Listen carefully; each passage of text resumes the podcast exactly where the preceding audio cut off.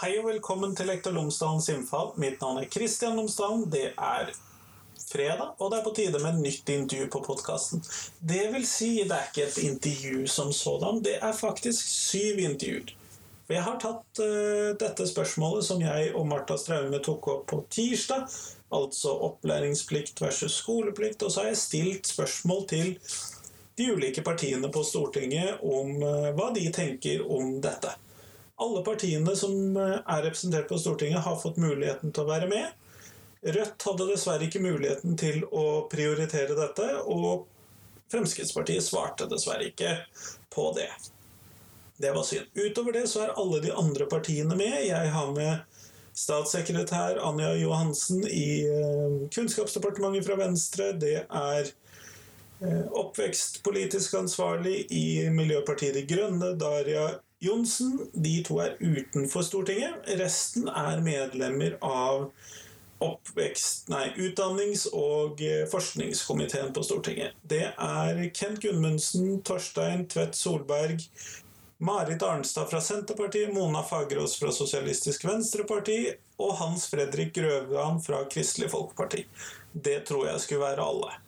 Eh, disse intervjuene kommer nå etter hverandre, så får du hørt i etter hverandre om hva de ulike partiene og politikerne tenker rundt opplæringsplikt, skoleplikt, er det egentlig en stor endring? Er det en liten endring?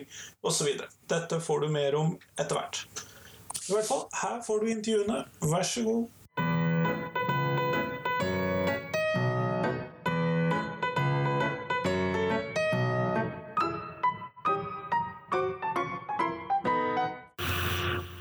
Kent Gundmundsen, tusen takk for at du har tatt deg tid til meg i dag. Bare hyggelig. Veldig trivelig å være her. Du er første nestleder i eh, utdanningskomiteen på Stortinget for partiet Høyre, det stemmer? Det stemmer, det. Kjempeflott.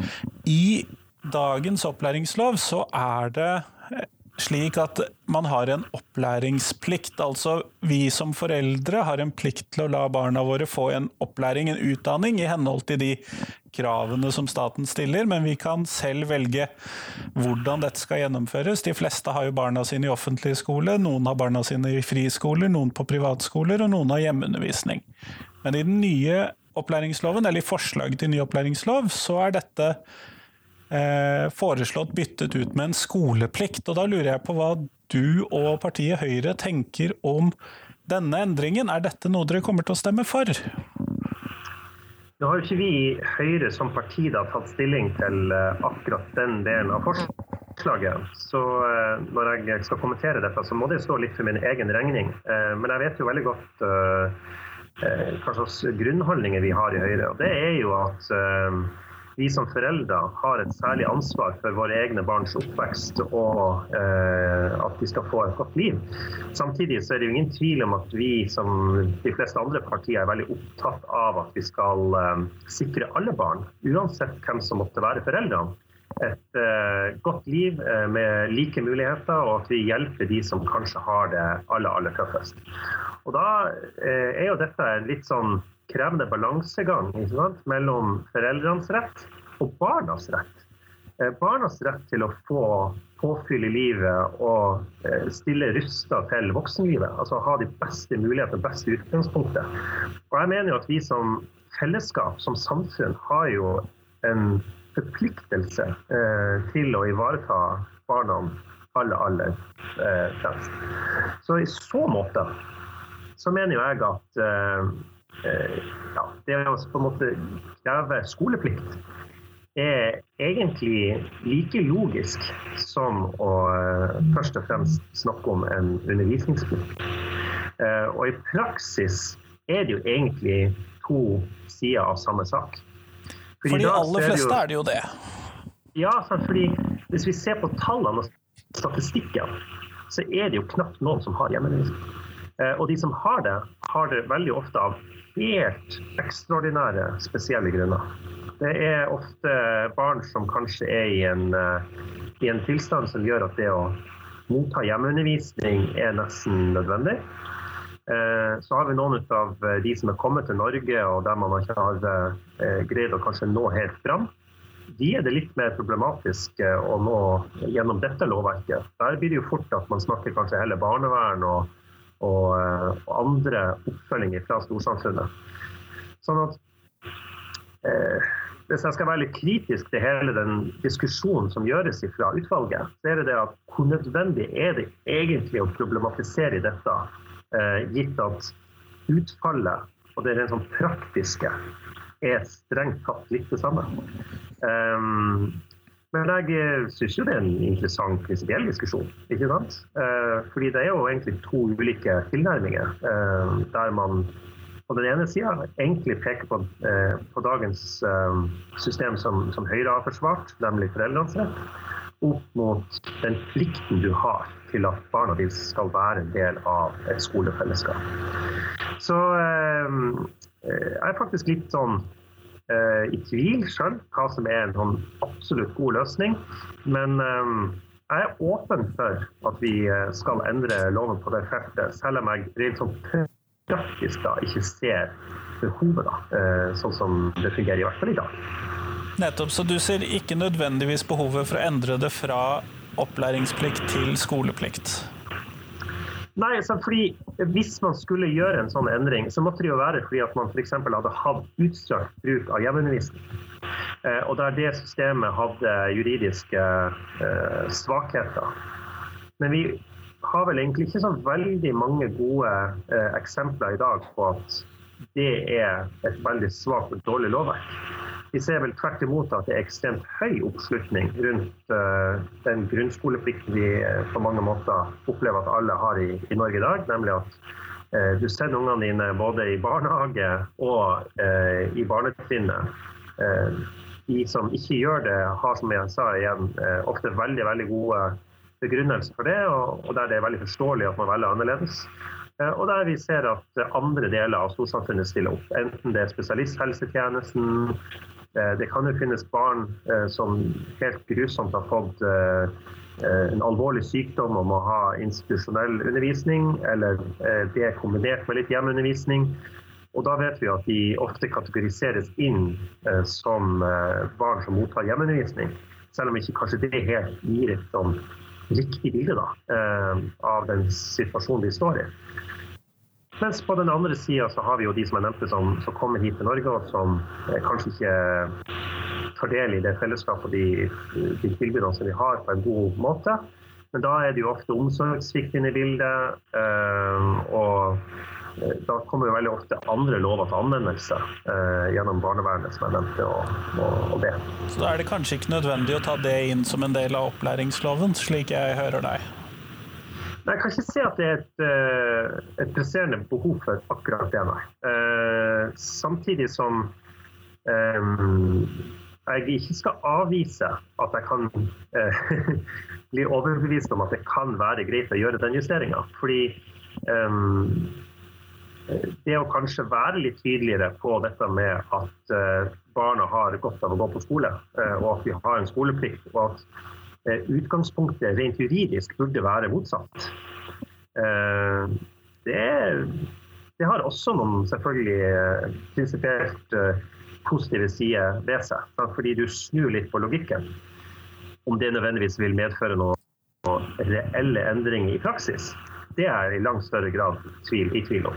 Og I så måte så, så kan du vel si at hvis man egentlig ikke ser noen reelle endringer i praksis, så kan man også diskutere hvorfor skal man da endre loven som sådan. For det å endre lovtekst er jo ofte med på å skape litt usikkerhet i det juridiske rammeverket. Eh, sånn at eh, Det er jo ofte også en viss prosessrisiko i det. Sant? Hva vil det medføre av endringer der ute eh, når man endrer lovverket? Så, så, Det må vi også ha med oss i refleksjonene når vi diskuterer hvorfor skal vi endre akkurat den delen av loven.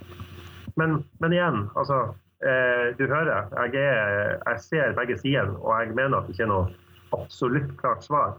Um, jeg bare konstaterer at det fungerer rimelig bra i dag, eh, og at vi ikke har opplevd at vi på dette området har store svakheter. Kjempeflott. Tusen takk for at du tok deg tid til meg i dag, Kent. Bare hyggelig.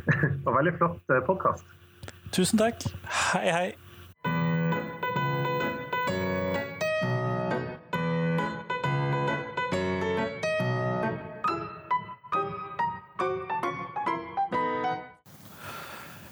Torstein Tvedt Solberg, tusen takk for at du tok deg tid til meg i dag. Veldig hyggelig å treffes, selv om det ble digitalt. Skulle ønske vi fikk tid til å treffes face to face snart, men det får bli etter korona. ja, vi hadde jo planlagt et uh, livearrangement sånn hvor du skulle være med, sånn at det var jo synd at vi ikke fikk gjort det nå. Jeg ble frarøvet en tur til Bergen, så det, vi får ta, komme tilbake til det. ja, det får vi gjøre. Uh, det vi skal snakke om i dag, det er uh, at det er kommet et forslag til en ny opplæringslov som er basert på en NOU. Eh, og i dette NOU-en så foreslår de at de skal gjøre om eh, det vi i dag har som en opplæringsplikt, til en skoleplikt. Eh, altså at man, alle foreldre har en plikt til å sende sine barn på offentlig eller friskole, men til en skolebygning. Og at man må søke om hjemmeundervisning hvis man ønsker det. Og da lurer jeg på, hva tenker du og Arbeiderpartiet rundt dette? Ja, altså det, det ærlige svaret er jo at egentlig så har vi ikke tenkt så veldig mye eh, ennå. Og, og, For å eh, utdype det, altså er, jo, det jo som du sier, nå har det jo kommet en veldig spennende og veldig tjukk eh, NOU eh, med forslag til ny opplæringslov. Og Realiteten er jo at dette kommer til å være en lang eh, lovprosess eh, med høringer og diskusjoner. og egentlig Det eneste som er sikkert, er at de forslagene som, som, som ligger nå, ikke kommer til å være de vi sannsynligvis vedtar i hvert fall sånn 100% i, i Stortinget Stortinget til slutt, og det vil jo være år og dag til vi, skal gjøre, vi, skal gjøre, det.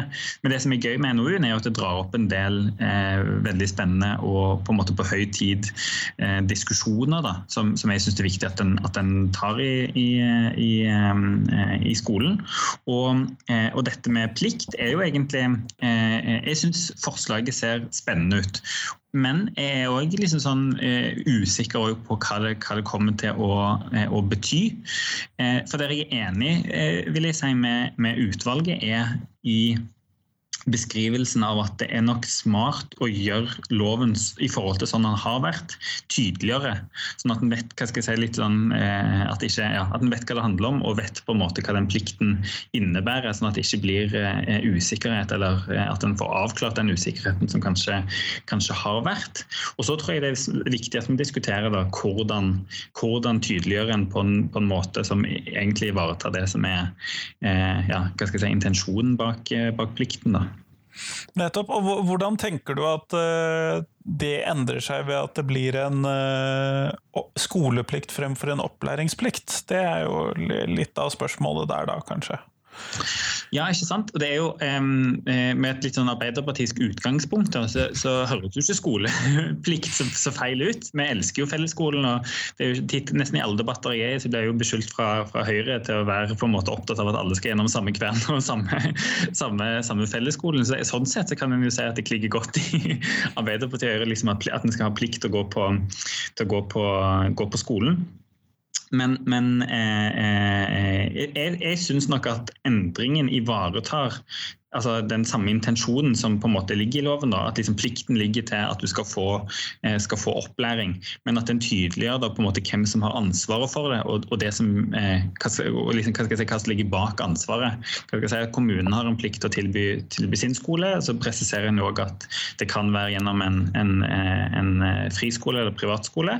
Og så presiserer en òg litt dette med hvordan en ønsker å gjøre det for hjemmeskole, og hvis, hvis foreldre ønsker å, å gjøre det. Og jeg synes jo at at tydeliggjøringen er viktig òg fordi at eh, når en vedtar en lov òg, så ligger det jo en, en, si, en, eh, en, straff eller respons bak i tillegg, hvis plikten ikke følges. Og Derfor tror jeg det er liksom bra for alle at det er en tydelig lov, sånn at hvis du på en måte ikke, ikke følger opp plikten, og, den ikke, eh, og si, hvis, hvis, hvis, domstolene mener at den ikke blir fulgt, at, at det ikke liksom har vært tvil om hva som var utgangspunktet. og hva skal jeg si, at folk blir, blir straffa feil, da, rett og slett. Nettopp, nettopp. Tusen takk for at du tok deg tid til meg i dag. Veldig hyggelig. Så gleder jeg meg til debatt.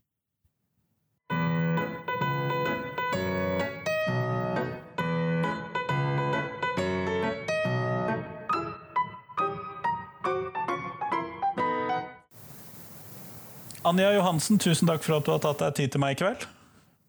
Det er bare hyggelig. I det forslaget til ny opplæringslov som ligger i NOU 2019-23, så leser jeg det slik at eh, det er en overgang fra en opplæringsplikt, slik vi har det i opplæringsloven i dag, til en skoleplikt, hvor eh, hjemmeundervisning eller andre former for undervisning enn de etablerte skolene er noe man eh, må søke om. Og så lurer jeg på hva du eh, og Venstre tenker om dette? Ja, kanskje jeg skal starte med å, øh, å være så ærlig og si at dette er mine tanker.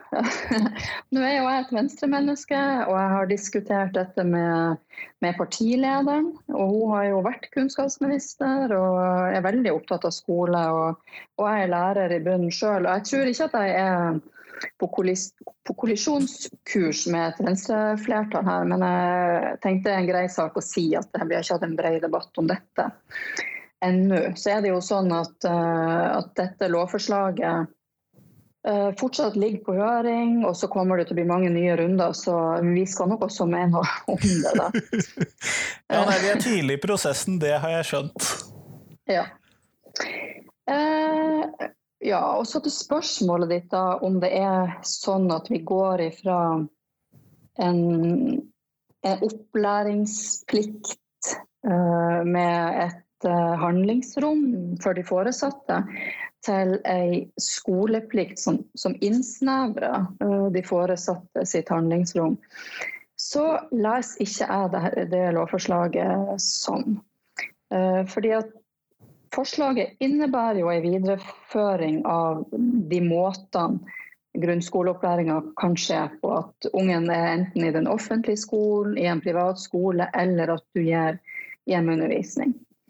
Uh, og så er det jo på et vis kan du si en innstramming da, i forslaget. fordi at det er eh, forslag om at foreldrene skal ha søkt på forhånd, og de må ha fått en forhåndsgodkjenning. Og det er en endring fra tidligere at du ikke måtte ha søkt og du ikke måtte ha en forhåndsgodkjenning, men du skulle eh, kunne eh, bli ettergått om du oppfylte min, et, noen minstekrav. Da.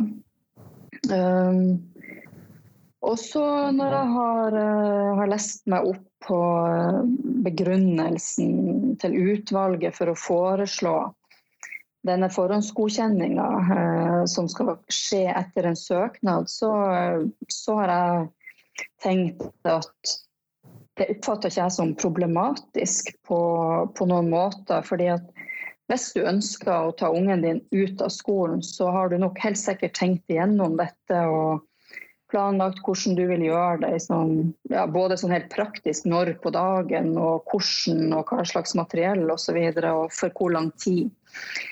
Uh, og sånne ting. Uh, og det her utvalget de argumenterer jo med at hvis barnet ditt allerede er i skolen og skal ut en periode, så er det bra for den, den overgangen at, at, hjemmet er i dialog med skolen. for at det skal bli en, en smidig overgang for ungen.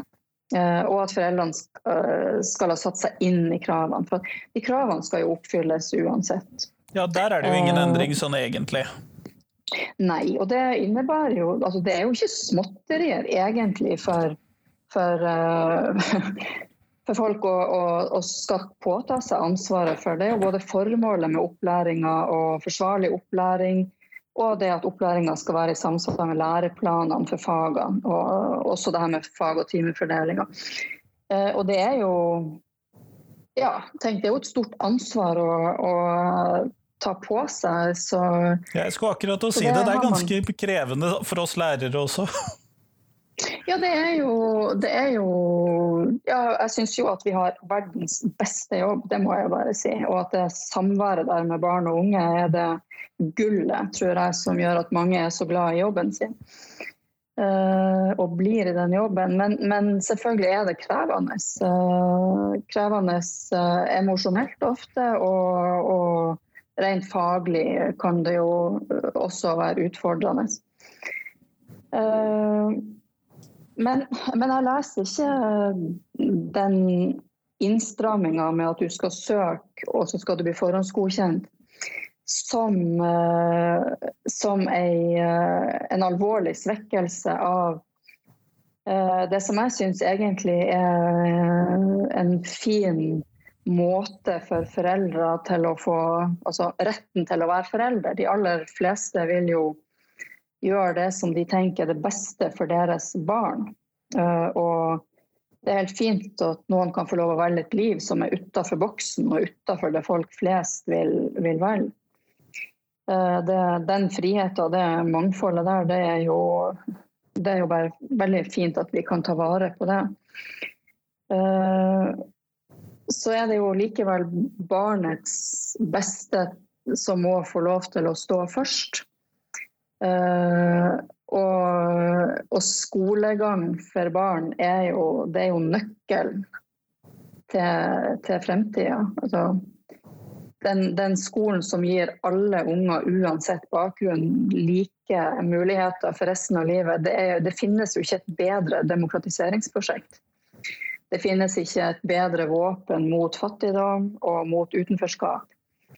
Sånn at, at du ikke skal få lov til å ta ungen din ut av skolen for å drive ei opplæring som, som, ikke kan ettergås, eh, det syns jeg er helt greit og barnets beste.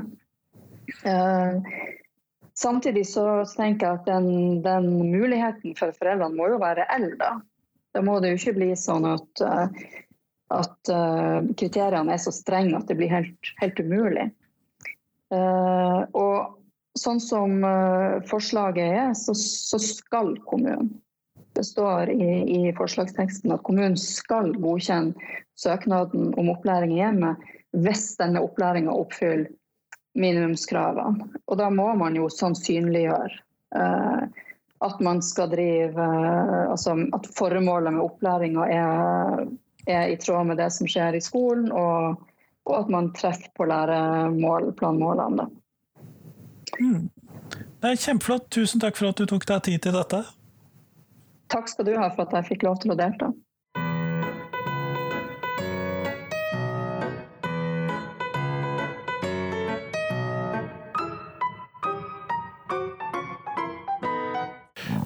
Daria Maria Johnsen, tusen takk for at du har tatt deg tid til meg i dag.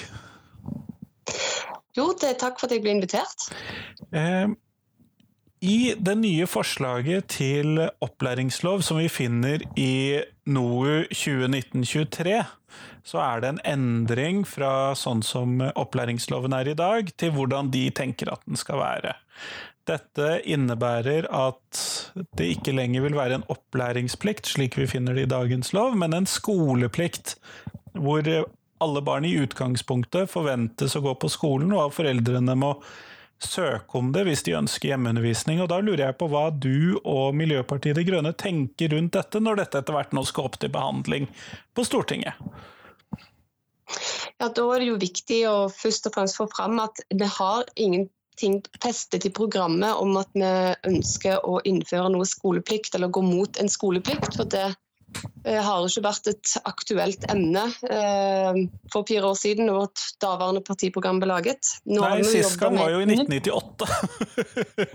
ja, sant. Så dette er jo ikke noe som kommer opp ofte. Eh, men eh, her må vi jo ha en grundig prosess på saken. Men sånn som endringene foreslås, så kan i hvert fall jeg som oppvekstpolitisk talsperson snakke eh, om det generelt, og hvilke vurderinger jeg gjør meg i forbindelse med denne endringen. Nettopp, nettopp. Og, og i utgang, sånn eh, førsteinntrykk, hva tenker du rundt dette? Altså nå er jo, eh, Slik jeg forstår eh, lovendringene i sin helhet, så skal det jo være for å forenkle et lovverk som har uh, svulma litt ut, og har både mange eh, plikter og krav, men også skjønnsmessige vurderinger. og det, Man begynner å miste litt oversikten, og, og Derfor ønsker man å strømlinjeforme det litt og ta ut det som er unødvendig. Og Det er jo for så vidt eh, vel og bra. Eh, en sånn opprydning eh, er nok etterlengtet fra mange hold. Men akkurat dette som har skapt litt debatt, er jo Eh, denne her endringen hvor det foreslås eh, bl.a. at det skal være skoleplikt istedenfor um, um, altså At det ikke lenger er bare en rett til, til, opplæring i grunnskolen, men altså også en plikt. Um, og Det er jo da en utfordring for de som i dag har hjemmeskole. Um, nå er det jo sånn at du kan fortsatt ha hjemmeskole med den nye endringen, men mens du i dag sender en melding til skolen at du ønsker hjemmeundervisning, og så kommer det tilsyn eh, for å påse at eh, undervisningen er i tråd med, med læreplanen, så eh, vil det være sånn at nå må du søke, eh, og så få det godkjent.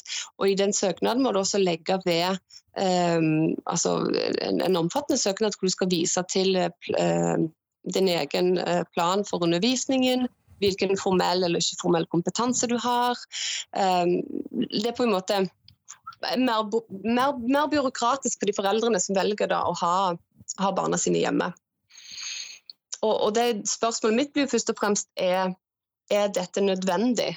Um, nå har jo, um, har jo lest uttalelsen til, um, til, de som, som er i foreldre, altså de foreldrene som har uh, hjemmeundervisning i dag, altså Norges hjemmeundervisningsforbund, som det heter.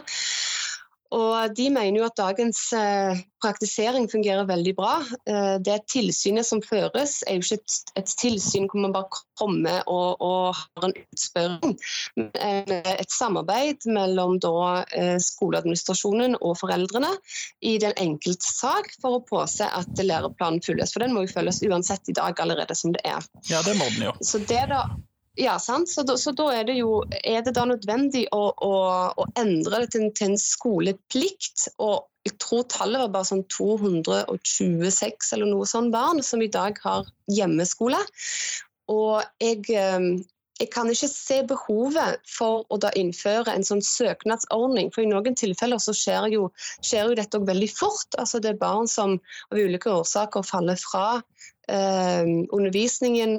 De sliter sosialt eller de sliter faglig, både fordi det kan gå eh, altså at undervisningen både ligger for lågt for for dem, eller at den ligger for høyt. Altså at de enten strever eller er veldig skoleflinke. Og, eh, og hvis ting da går litt fort, så har man, blir det jo litt vanskelig med en sånn søknadsprosess. Um, men det må jeg nesten høre litt mer fra det utvalget, hvorfor de foreslår dette her. For uh, mens når det gjelder selve kravene, altså at det skal være krav til, til, til læreplanen, til undervisningen, det, det, er jo selvsagt. Eh, det er ingenting i veien for det. Men som sagt, det ligger jo allerede krav i dagens regelverk. Og, og det er det tilsynet er til for. Og hvis man er i tvil om, om hjemmeundervisning er god nok, så har vi jo rett i dag til å foreta prøver for å se hvor barna ligger faglig. Så det at også eh, det norske hjemmeundervisningsforbundet ikke har vært involvert i en høring, når de på en måte er de som representerer disse foreldrene, syns jeg òg er bekymringsfullt. Nettopp, nettopp, nettopp. Eh, jeg er veldig glad for at eh, du tok deg tid til meg i dag og fikk eh, formidlet dette. Tusen takk. Ja, takk selv. Som sagt, vi får, vi får se hvilken debatt det blir i, i, i Stortinget. Men for Miljøpartiet i hvert fall sånn ellers er det jo viktig at vi har en viss eh, fleksibilitet eh, i forhold til, eh, til, foreldre og har til å velge i dag hjemmeundervisning. Og det er så få dette gjelder, og en ordning som vi så langt hører fungerer veldig bra, at vi stiller i hvert fall spørsmål ved hvorfor dette er nødvendig.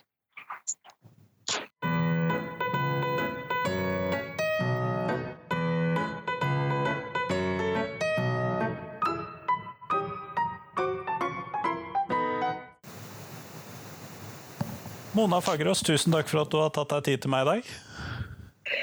Det er klart. Eh, veldig hyggelig å være her. Eh, I forslaget til ny opplæringslov som vi finner i NOU 2019-23, så ligger det en endring fra dagens opplæringslov som sier det at eh, foreldrene kan selv velge hvordan de skal gjennomføre den opplæringsplikten, eller den plikten de har til å sørge for opplæring til sine barn. Eh, dette kan være offentlig skole, eller fri skole, privatskole eller hjemmeundervisning. I dette forslaget til ny opplæringslov så ligger det inne en endring på dette, hvor det da må, vil være søknadspliktig for foreldrene hvis de ønsker hjemmeundervisning for sine barn. Eh, og for deg og SV, hvilke tanker gjør dere rundt dette med skoleplikt versus opplæringsplikt, sånn som vi har i dag?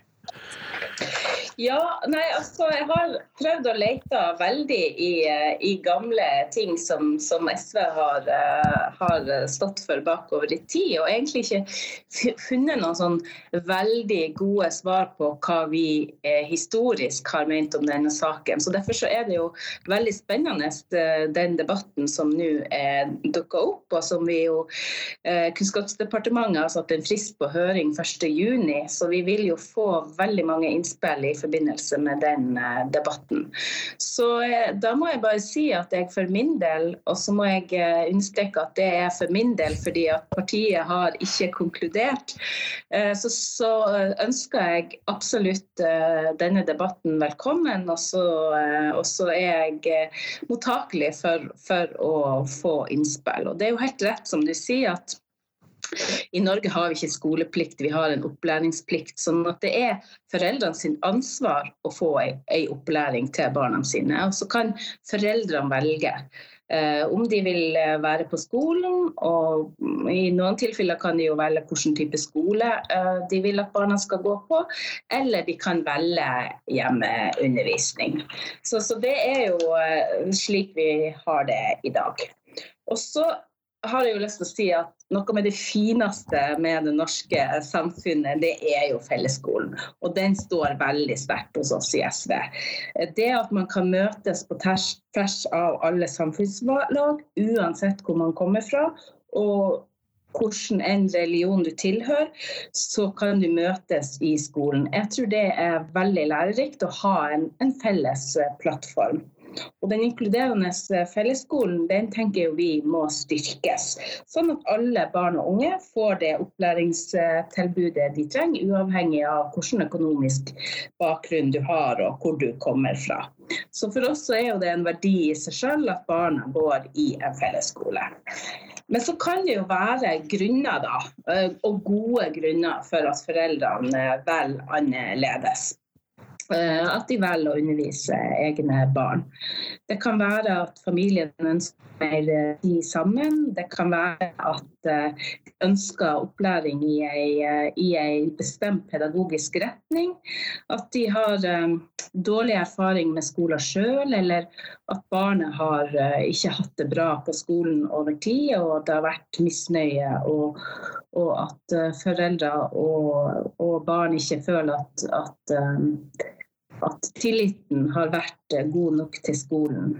Eh, I andre tilfeller så kan jo lang skolevei være en årsak til, til at eh, foreldrene velger å, å, undervise egne barn. Så det er mange gode grunner for det. Det, det ser også, også vi.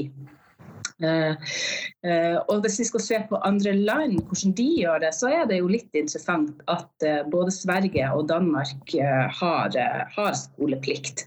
Og at det skal være svært gode grunner i disse landene for at foreldrene får.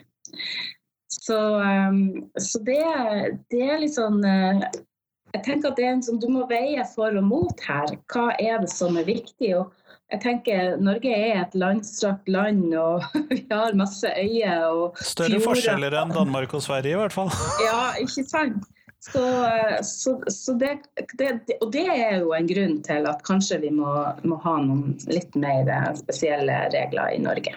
Men, eh, og dette er jo egentlig veldig interessant eh, hvis vi fordi at dette er jo ikke en debatt som ofte er der, og den har jo ikke kommet så veldig høyt opp eh, selv nå med denne høringen som er ute. Men Eh, kunnskapsministeren klarte å få debatten om skoleplikt og opplæringsplikt ganske tydelig frem eh, i det siste. Ja.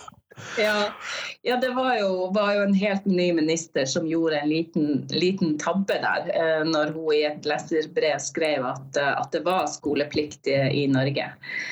Og det er det jo ikke. Eh, så tenker jeg jo, eh, for Det var jo i forbindelse med, med at eh, første til fjerde klasse skulle tilbake på, på, skolen igjen etter at skolen har vært stengt for mange elever i mange uker. Og så var det veldig mange foreldre da som var bekymra for å sende barna sine tilbake på skolen. Og det var jo på bakgrunn av at, at, foreldre var redd for smitte. Og det kan jo være spesielle forhold i familien som gjør det, at man er i en sånn type risikogruppe. Så, så det, var, det, var, mange foreldre som var urolig når skolene skulle starte igjen. Og da slo liksom ministeren i bordet og sa at uh, her er det skoleplikt, så foreldrene må sende. Så var, da blussa den debatten opp igjen, uh, hvor hun måtte da gå tilbake på det og si at nei, nei det er opplæringsplikt. Det jeg syns var interessant med det, var at jeg så at både lærer, deler av Lærer-Norge og hjemmeundervisnings... Eh, de som driver med hjemmeundervisning i Norge, begge, det var sterke reaksjoner i begge leirer som mm. syntes at dette her, det kunne vi ikke ha noe av. Nei. Og det, det, at det ble en debatt, det kan jo tyde på at, eh, at eh, akkurat denne delen av, av forslagene fra, til ny opplæringslov, at det får fokus. Så det blir jo det blir jo veldig spennende å, å følge med dette framover. Men uh, for å liksom ta tilbake den tråden med, med at vi har vært i, i koronatida, så, så har jeg gjort meg noen tanker når skolene har vært stengt nå. Så er det jo for noen barn det har vært veldig belastende før. Og jeg tenker jo at det er jo et bilde på hvor viktig skolen er for veldig, veldig mange elever. Eh, det er mange som har klart seg veldig godt når vi har hatt digital undervisning, og noen har kanskje til og med klart seg bedre. Men så er det jo noen barn og unge som eh, er særlig avhengig av at vi har åpne skoler. For de barna som har skolen som, som sitt fristed. Eh, barn som leve i familier med Ja, det kan være trangboddhet, det kan være psykiske problemer blant foreldrene, det kan være vold i hjemmet eller eh, konflikter og rusproblematikk. Disse barna er jo spesielt avhengige av at vi har åpne skoler, og de er også avhengige av eh, av at man har gode, gode skoler. Så, så, jeg tenker jo at i det perspektivet så, så, viser man jo litt hvor viktig skolene er i samfunnet. Og at um, uh, uh, i, i, Og det er liksom et perspektiv som jeg tenker vi også kan ta med oss inn i, i denne debatten. Uh, det er noen barn som er prisgitt at de voksne ser dem, og, um, og så må jeg at lærere og helsesøstre har gjort en veldig god, god, jobb i denne perioden. Men det er klart at for disse barna så har, så har åpninga av skolen igjen vært, vært veldig bra. Mm. Ja. Kjempeflott. Tusen takk for at du ville bidra med dette. Jeg vet ikke om det ble noe klokere, men uh, i hvert fall så er det sånn at, uh, at uh, vi kommer til å ta denne debatten grundig. Vi kommer til å lese alle høringsinnspillene som kommer på dette. Og så er det jo sånn at Stortinget kanskje ikke før slutten av 2020, mest sannsynlig ikke før i 2021, skal behandle disse tingene. Så det, det, er en, det, er jo en, debatt som vi kommer til å ha utover hele høsten. Så jeg må bare si si til dine lyttere at uh, hvis de har sterke meninger, så kom gjerne med innspill uh, til meg på Stortinget, så skal jeg ta de med meg. For vi har ikke konkludert.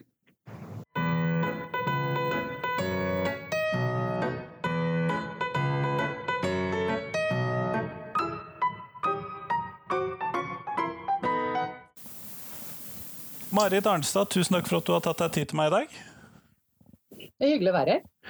Eh, I det forslaget som ligger til ny opplæringslov i NOU 2019-23, så har man gått, slik noen ser det, gått bort ifra en eh, opplæringsplikt til en skoleplikt ved at uh, man må søke om å ha hjemmeundervisning. Og da lurer jeg på hva du og Senterpartiet tenker om dette?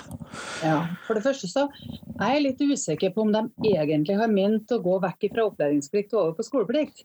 Uh, jeg tror kanskje de har ment å, å fortsatt med, uh, si at det skal være en opplæringsplikt. men det de gjør, er jo å lage en annen type prosess, der du må søke på, om hjemmeundervisning f.eks. Det har du ikke hatt behov for tidligere. Og Det øker terskelen tror jeg, for en del for å kunne gjøre det. Eh, samtidig som det er etter Senterpartiets mening byråkratiserende. Eh, og jeg syns egentlig ikke at en skal legge opp til et system som betyr at du skal bruke mer tid og krefter på den type søknader. Eh, Da er det viktig med det tilsynet som kommunene i dag har ansvaret for når det gjelder hjemmeundervisning. Så i utgangspunktet så er ikke dere positive til en sånn type endring der? Nei, I utgangspunktet så syns vi at de foreslår noen ting som burde være unødvendig. Altså en prosess som er mer omstendelig og som kan heve terskelen for en del når det gjelder å søke om eh, alternativ opplæring, altså hjemmeundervisning. Eh, Så Derfor så er vi eh, kritiske til det, men vi mener samtidig at de har ikke hatt noe klart standpunkt for skoleplikt i stedet for opplæringsplikt. Altså Jeg tror ikke de har ment det. De har endra prosessen og gjort den, mer, eh, gjort den vanskeligere, og det tror jeg er unødvendig. Mm. Kjempeflott. Tusen takk for at du tok deg tid til dette i dag. Yes. Takk skal du ha.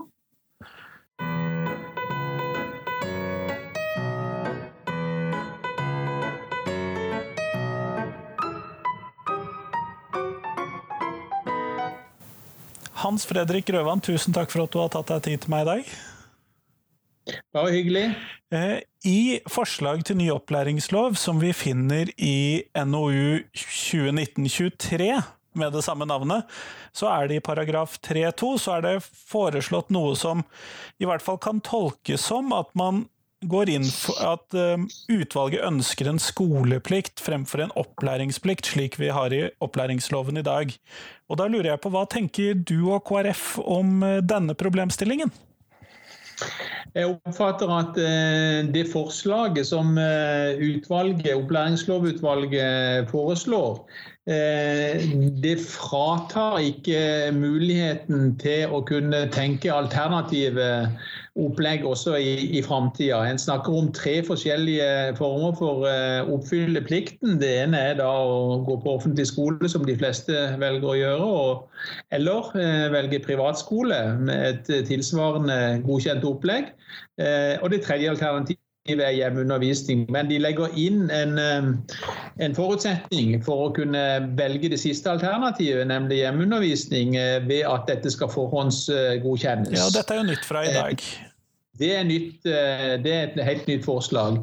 Jeg opplever at eh, på den ene sida så, så, kan jeg jo se at det kan være argumenter eh, for en godkjenning for å sikre eh, kvalitet.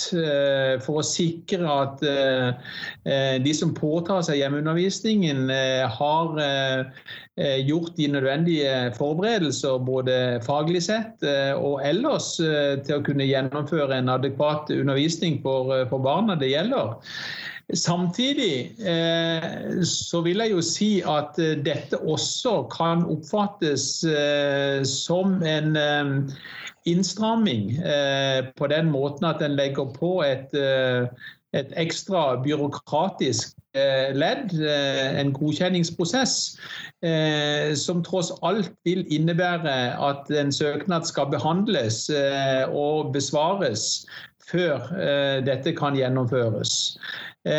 Så jeg er litt skeptisk til at dette blir gjort på den måten det gjør. Samtidig så kan jeg også se at det kan være med å bidra til å sikre en bedre kommunikasjon mellom skolemyndigheter og de som tar på seg dette, ansvaret. Men i utgangspunktet så er jeg nok mer skeptisk enn jeg er positiv til den, den foreslåtte endringen. Nettopp, nettopp. Tusen takk for at du tok deg tid til dette i dag.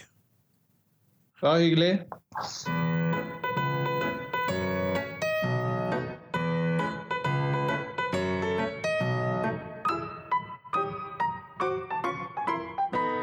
Tusen takk til alle politikerne, og tusen takk til deg som har hørt på. Nå er, kommer det en liten episode på lørdag som skal være en sånn trailer til Spotify. Det er egentlig en presentasjon av podkasten som skal ligge der. For deg som har hørt på podkasten lenge, den tror jeg nok du kan ignorere. Men uh, hvis du hører stemmen min, så er det fint også på lørdag. Men på tirsdag så kommer det en helt vanlig podkastepisode. Da kommer det et intervju med Heidi Wittrup Djup fra Klinikk for krisepsykologi. Vi snakker om skolens møte med elever i sorg. Det er et viktig tema. Og eh, Heidi har da bakgrunn både som eh, psykolog og fagbakgrunn der, og hun har erfaring med å være den eleven i sorg i skolen. Sånn at det er veldig spennende, veldig relevant. Og situasjonen verden rundt nå gjør det kanskje ikke mindre eh, Eh, nødvendig at vi kan noe om dette. Men i hvert fall, det får du på tirsdag, så får du ha en god helg videre. Hei, hei.